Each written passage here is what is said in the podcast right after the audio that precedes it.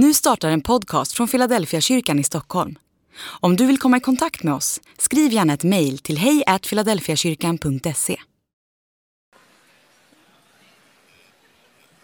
Jag är så glad att det är första advent. Jag, det är liksom alltid en speciell laddning när det är första advent. Det kommer ju varje år, men jag är lika glad för det varje gång.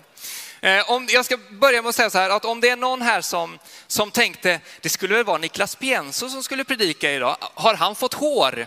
Eh, så är det så att eh, han har ju mer hår här, liksom, men jag har mer där. Eh, han är sjuk tyvärr och hälsa till er så väldigt mycket. Hoppas kunna vara med er snart igen. Jag heter Anton Ahlmark och är en av pastorerna här i, i kyrkan. Vill du lyssna till Niklas så har vi ju våra SVT-gudstjänster. Där predikar Niklas. Men gå inte härifrån nu, utan kolla på det efter gudstjänsten så kommer det bli jättebra. Niklas hälsa till er. Eh, apropå att jag frågade vilket som är bästa julgodiset, det kan ju kännas som en löjlig fråga. Varför, varför pratar man om det? Eh, men igår eh, så hade vi liksom den stora bakdagen. Jag säger vi, egentligen så är det mest min, min fru eh, som, som liksom bakar. Hon är fantastisk på att baka julgodis. Hon gör pepparkakor, hon gör drömmar, hon gör lussekatter, hon gör liksom alla grejer. Och jag är ju glad för jag får ju ta emot detta. Och så lagar jag lite mat vid sidan av detta. Då. Eh, och vi hade en sån dag igår när Elin bakade och hon gjorde lussekatter och pepparkakor och grejer. Och sen fick vi besök på kvällen av två stycken kära vänner till oss som nyss har fått sitt första barn.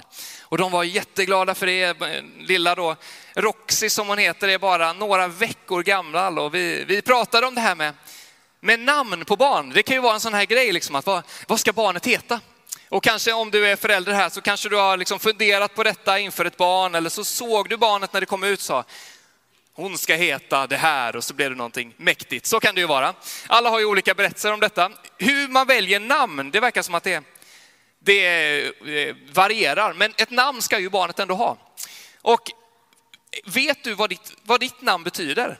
Har du någon aning om vad liksom det namnet du har, vet du vad det betyder för någonting? Några av er kanske vet det. Jag fick googla för att veta vad mitt namn betyder. Eh, och det står så här då, att jag heter Anton Nils Samuel, jag har tre stycken namn. Och Anton det kommer från Antonius och står för den ovärderlige eller oskattbare. Det är inte dumt. Nils kommer från Nikolaus. Och det är då ett sammansatt ord från Nike och Laos som betyder seger och folk. Nu kan man tänka, nu börjar hybrisen komma upp här. Den ovärderlige, segerns folk. Det känns bra. Sen så blir det lite mer ödmjukt då. Samuel, det är ett bibliskt, lite omstridd betydelse. Men på något sätt så handlar det om att Gud är hans namn. Gud är hans namn. Och jag har tänkt att predika idag. Och jag har ett hoppfullt budskap till dig. Eh, men jag skulle vilja att vi gör en liten överenskommelse om det här ska funka det jag säger. Då skulle jag vilja utmana dig, du som kanske inte tror på Jesus, att tänka, tänk om det faktiskt kan finnas en Gud som kan komma och som faktiskt kan tala till mig. Om du har den öppenheten för att tänk om faktiskt Gud har någonting till mig idag. Då kommer den här predikan att bli toppen. Annars är du bara hjärtligt välkommen att sitta med. Men jag skulle vilja verkligen utmana dig till, tänk om Gud faktiskt kan säga någonting genom de här 15 minuter ungefär som jag har förberett. Varför pratar jag om namn egentligen? Jo, namn för oss, det är ju inte så mycket, liksom. det betyder ju inte så mycket. Jag går inte runt och tänker, jag är den ovärderlige. Jag ska ge seger till folken. Det är ju liksom inte jag. Eh, men på Bibelns tid, då var det viktigt vilket namn man hade. Namnet på en person sa någonting om den personen. Den berättade om egenskaper, om förmågor. Och när Jesaja för 700 år innan Jesu tid, alltså 2700 år sedan ungefär, när han skriver om den sonen som ska komma, då ger han honom fyra stycken namn. Och tanken är här i Philadelphia att vi kommer predika utifrån de här fyra olika namnen, de här titlarna. För vi tänker att det bär på eviga sanningar om Jesus. Och idag tänkte jag säga någonting om fridsfursten, men så här står det i Jesaja kapitel 9 och vers 6. Vi har hört det innan. Ty ett barn har fötts. En son är oss given. Väldet är lagt på hans axlar. Och detta är hans namn. Allvis härskare, gudomlig hjälte, evig fader och freds förste. Vad betyder det egentligen att just ett av de här namnen som Jesaja ger på Jesus är fridsfurste?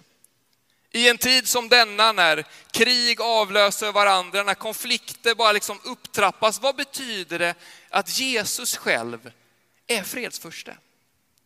Jo, Första advent brukar ju normalt sett innebära att man läser om, och vi har fått höra det idag av barnen här, när Jesus rider in i Jerusalem och det är karnevalstämning, folk lägger ut liksom sina mantlar och de viftar med palmblad och det, man tänker bara nu är det kalas. Och de tänker nu kommer kungen. Den som ska ge fred till folket, den som ska befria oss ifrån slaveriet liksom under romarriket. Snart ska han komma, han ska komma med militär makt, men Jesus kommer med en helt annan frid. Han kommer alltid som fredsförsten. Vad betyder det egentligen? Jo, låt oss ta och kolla på ett bibelord i Sakarja bok, profeten som, som citeras i Matteusevangeliet när Jesus rider in. Så här står det i Sakarja kapitel 9 och vers 9. Ropa ut din glädje, dotter Sion. Jubla, dotter Jerusalem. Se, din konung kommer till dig. Rättfärdig är han, seger är honom given. I ringhet kommer han, ridande på en åsna, på en ung åsnehingst.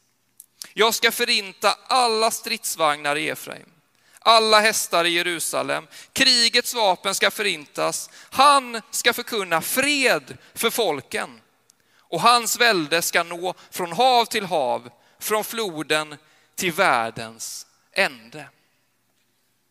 Jag tänker vilket relevant budskap 2023. Han ska förkunna fred för folken. När unga, ofta unga män dör i skyttegravar i Ukraina, när det bombas över sjukhus och civila bostäder i Gaza. Vad behöver den här världen? Fred.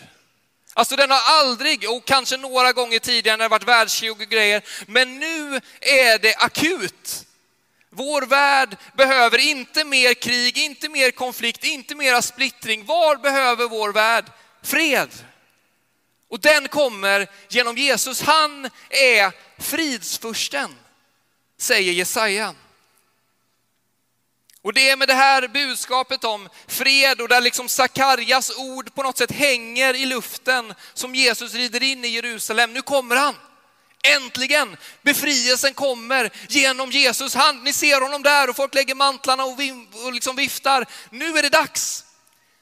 Och så går han in och dör på ett kors.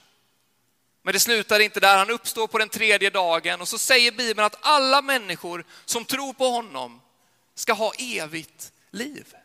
Han kommer med fred till en värld som verkligen behöver det. Kanske ser vi vissa av de tendenserna idag också. Vi skulle verkligen behöva fred. Och Bibeln talar om tre stycken sorters fred det finns över 700 verser i Bibeln, ja, vi kommer inte ta alla dem idag, som handlar om, om fred, men det finns tre stycken sorter. Det första, det är att du kan ha fred med Gud. Det andra, det är att du kan ha fred med andra människor. Och det tredje, det är att du kan ha frid på din insida. Alltså någon form av vertikal linje så här, du kan ha fred med Gud någon form av horisontell linje. Du kan ha fred med andra människor. Och när det möts på något sätt i mitten så kan du ha frid på din insida. Fred i, i grekiska är eirene och det betyder samma sak. Det är frid och fred. Därför kan vi ibland växla om det här i Bibeln. När du läser om frid och du läser om fred, det kan vara samma ord. Och det finns någonting i det. Det är både fred mellan människor och det är också frid på min insida. Det ges dig genom Jesus. Han kommer till dig ödmjuk, ridande på en åsna. Du kan ha frid med Gud. Låt mig bara säga någonting om två av de här. Att du kan ha fred med Gud och att du kan få frid på din insida. Det är min predikan idag. Du kan ha fred med Gud. Så här står det i, i Romarbrevet kapitel 5 och vers 1. Då vi nu har gjorts rättfärdiga genom tro har vi frid med Gud genom vår Herre Jesus Kristus. Och sen fortsätter de och säger, han har gett oss tillträde till den nåd som vi nu lever i. Och vi är stolta över hoppet att få del av Guds härlighet. Paulus säger här, då vi nu har gjort rättfärdiga har vi frid med Gud genom Jesus. Alltså är friden någonting som du kan gå och, plocka åt dig? Det var ju Black Friday häromdagen. Kan du liksom gå och handla hem fred? Ja, det verkar inte så. Det verkar som att fred är någonting som ges dig, inte via dina egna prestationer, utan via det Jesus har gjort. Det är han som är garanten, det är han som är initiativtagaren, det är han som går upp på korset. För vad då? Jo, för att relationen mellan dig och Gud ska bli bra. Det Bibeln kallar synd, alltså det som skiljer oss ifrån människa och Gud, det överbryggar Jesus när han dör på korset. Han gör att du har fred med Gud. Inte av egen prestation, det är allt av Jesu prestation. Det är han som tar initiativet, det är han som genomför det. Vad kan du göra? Du kan tacka Gud. Du kan inse det här gäller mig, jag har fred med Gud. Det råder ingen konflikt mellan mig och Gud. Den grekiska förståelsen av, av just konflikt eller fred, den diskrepansen mellan de två, det var att fred, det är avsaknad av krig. Vilket betyder rent logiskt, är det inte krig, då är det ju fred. Det finns ju inget annat alternativ, det är ganska svartvitt. Men den judiska betydelsen och där Jesus och de nytestamentliga författarna rör sig, där handlar det mycket mer om en frid som är mitt i konflikt. Du behöver inte koka loss konflikten mitt i dina omständigheter. Kan du hitta frid? Det är det Jesus kommer med, det är det han erbjuder dig, det har du att ta ställning till. Relationen, den vertikala, den är löst. Gud har sänt sin son, han har dött, han har uppstått, han har besegrat döden. Den relationen, den, den är bra. Den här relationen, den måste vi alltid jobba på med andra människor. Vi måste ständigt vara i försoningens tjänst säger Paulus. Vi måste ständigt arbeta på våra relationer. Så friden med Gud, den kan du tänka, den har Jesus gett mig när han kommer som fredsförste. Han tar bort all konflikt. Han kommer bara med fred. Guds frid på min insida då, hur, hur får jag tag på den? Jo, när man hör ordet frid, jag vet inte riktigt vad du tänker på då, jag tänker på semester. Du vet så här, tre, fyra, fem veckor, inga måsten, inga åtaganden, jag kan göra precis vad jag vill, jag kan gå upp precis när jag vill. Allt det där, liksom, den totala friheten. Är det den friden? Nej, det är inte den friden som Jesus talar om. Det är inte den friden som Paulus talar om. Det verkar som att det kan finnas en frid mitt i åtaganden, mitt i på något sätt livet. Hur hittar jag en frid i min vardag? Det är en viktig fråga att tänka på. Det verkar som att biblisk frid, den, den hittas inte i avsaknaden av något, utan alltid i närheten av någon, av Jesus själv. Om du håller dig nära honom, då kan du få frid på din insida. Så här står det i Kolosserbrevet 3 och 15 och 16. Låt Kristi frid råda i era hjärtan den som ni kallades till som lemmar i en och samma kropp. Visa er tacksamhet och låt Kristi ord bo hos er i hela sin rikedom och med all sin vishet. Paulus säger låt Kristi frid råda i era hjärtan. Alltså råda, det betyder att någon på något sätt bestämmer, någon på något sätt har inflytande, någon kan säga någonting. En viktig fråga idag 2023 är, vem låter du tala in i ditt hjärta? Är det andra människor? Är det din karriär? Är det det som folk säger på sociala medier? Jag skulle vilja utmana dig idag och tänka, tänk om du skulle låta Kristi frid få råda i ditt hjärta. Istället för det alla andra säger, istället för det du tänker att liksom världen och reklam och alla som vill bara sälja saker vill säga. Tänk om Kristi frid skulle vara den som får råda och bestämma och tala på din insida. Ibland har jag varit på sådana här predikningar och tänkt, ja det vill jag, men hur ska jag göra då? Alltså jag vill detta, jag vill ha Kristi frid, men kan jag göra någonting? Jo, Paulus säger så här. Låt Kristi ord bo hos er i hela sin rikedom och med all sin vishet. Låt Kristi ord bo hos er. Jag har en, en, amerikansk kompis som ibland kommer på besök. Eh, och när han kommer på besök, då kommer han inte som en gäst. Han flyttar in. Alltså det är inte så att han bara, jag har en liten väska som jag ställer i hörnet här, finns det någon luftmadrass? Nej, han är liksom, jag är här nu. Och han är så självklar i det. Han bor hos mig när han kommer. Och jag vill inte säga något namn för det kan vara så att Grant lyssnar på detta. Eh, det blir pinsamt. Eh, men du vet, han flyttar in. Det är bara adressändra direkt. Det är Anton och Elin och Grant och så, och så är han där liksom. Och han är i alla skåp. Jag älskar Grant, han är en fantastisk människa. Han är i alla skåp och han liksom tar för sig och grejer. Du vet, så man vaknar upp på morgonen och jag brukar vara den som är först upp, men när jag vaknar då luktar det, då är hela lägenheten marinerad i bacon och ägg. Och det är så här bara, jag bestämmer inte här längre, det känns så. Det är någon annan som bor hos mig. Konstig övergång, hur låter jag Kristi ord bo hos mig? Alltså hur gör jag så att min insida kan vara att det är Kristi ord som får bestämma, som får ta initiativ, som får leda mig? Att det verkar som att det finns att fylla sig med Bibeln när du gör det, när du går till Jesus. När du låter hans ord få flytta in på din insida och när du låter den heliga ande tala till dig. Vad händer då? Jo, då är han i alla skåp, i alla garderober, han är i alla områden i ditt liv och verkar där. Alltså han kommer med sin frid i alla delar av ditt liv. Det gäller inte bara när du kommer hit på en söndag, det gäller inte bara när du tycker livet är toppen eller när det är botten, det är även i din vardag. Även när allting är precis som vanligt, låt Kristi ord bo hos er. Vad händer då? Jo, då får Kristi frid komma in. Och det är ingen annans frid, det är bara Jesus. Han är fredsfursten, han har ett ärende till dig. Vad är det den här första advent? Frid.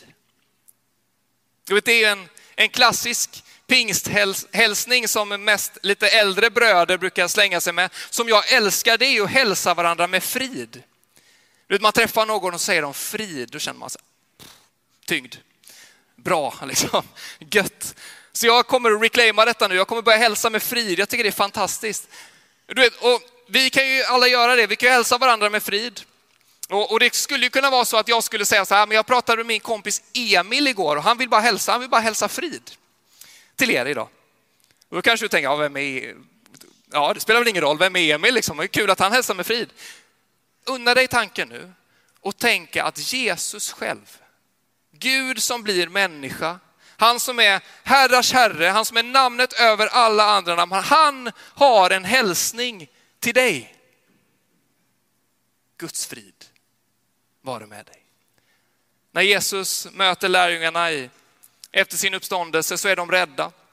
De inser att de har gjort alla dubbelfel man kan. Liksom. De har både fått ett folk efter sig och de har förnekat Jesus. Och det första Jesus säger när han möter folket där, det är inte varför gjorde ni så här? Det är inte hur kunde ni tänka så? Varför sitter ni i den här liksom hålan och häckar? Varför är inte ni ute och predikar? Jesus säger aldrig så. Det första han säger när han kommer till lärjungarna, i det rummet fyllt av oro och rädsla, det är Guds frid vare med er. Min frid åt er alla. Vilken fantastisk hälsning det är att få hälsa varandra med frid. Och tänka att Gud är den som har tagit det första initiativet. När Jesus är fridsförsten, då är det det här som Jesaja säger. Jesus kom till den här världen, inte för att skapa konflikt, inte för att skapa splittring, utan för att ena världen och skapa fred till en värld som behöver det.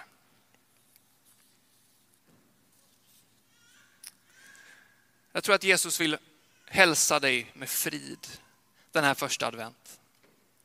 Och vet vad det gör med dig?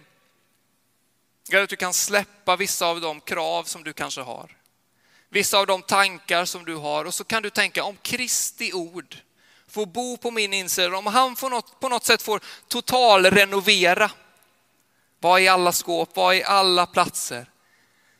då kanske Kristi frid kan få råda i ditt liv.